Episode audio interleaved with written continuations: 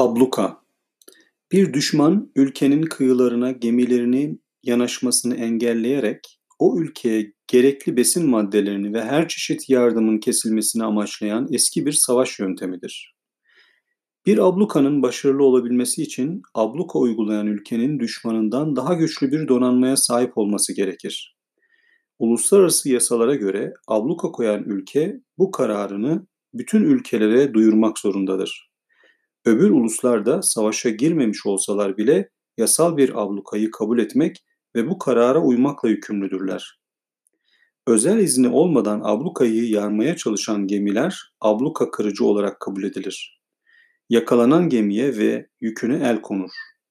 Bir ülke yeterli güç ve kaynaklara sahip olmadığı için ablukayı uygulayamaz, yalnızca duyurmakla yetinirse o abluka yasal sayılmaz tarafsız devletlerin uymak zorunda olmadıkları bir ablukaya kağıt üstünde abluka denir.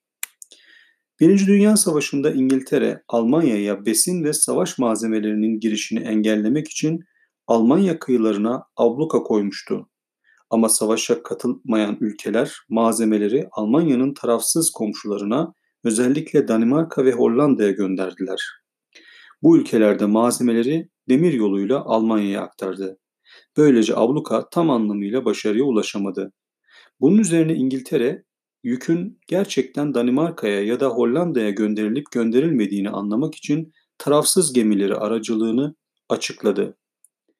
Buna karşılık Almanya'da Britanya adalarını ablukaya almak için denizaltı kullanmaya başladı. Günümüzde abluka uygulamak ya da ablukayı yarmak için hem denizaltılar hem de uçaklar kullanılmaktadır. 1948'de Sovyet Sosyalist Cumhuriyetler Birliği Batı Berlin'e abluka koyunca ABD ve İngiltere yaklaşık bir yıl boyunca kenti dışarıdan hava yoluyla beslediler. Üretilen sanayi ürünlerinde gene hava yoluyla kent dışına taşıdılar. 1962'de ABD SSCB'den füze almasını engellemek için Küba'yı ablukaya aldı. Hava saldırısı tehdidiyle desteklenen abluka başarılı oldu ve Küba'daki füze üsleri söküldü.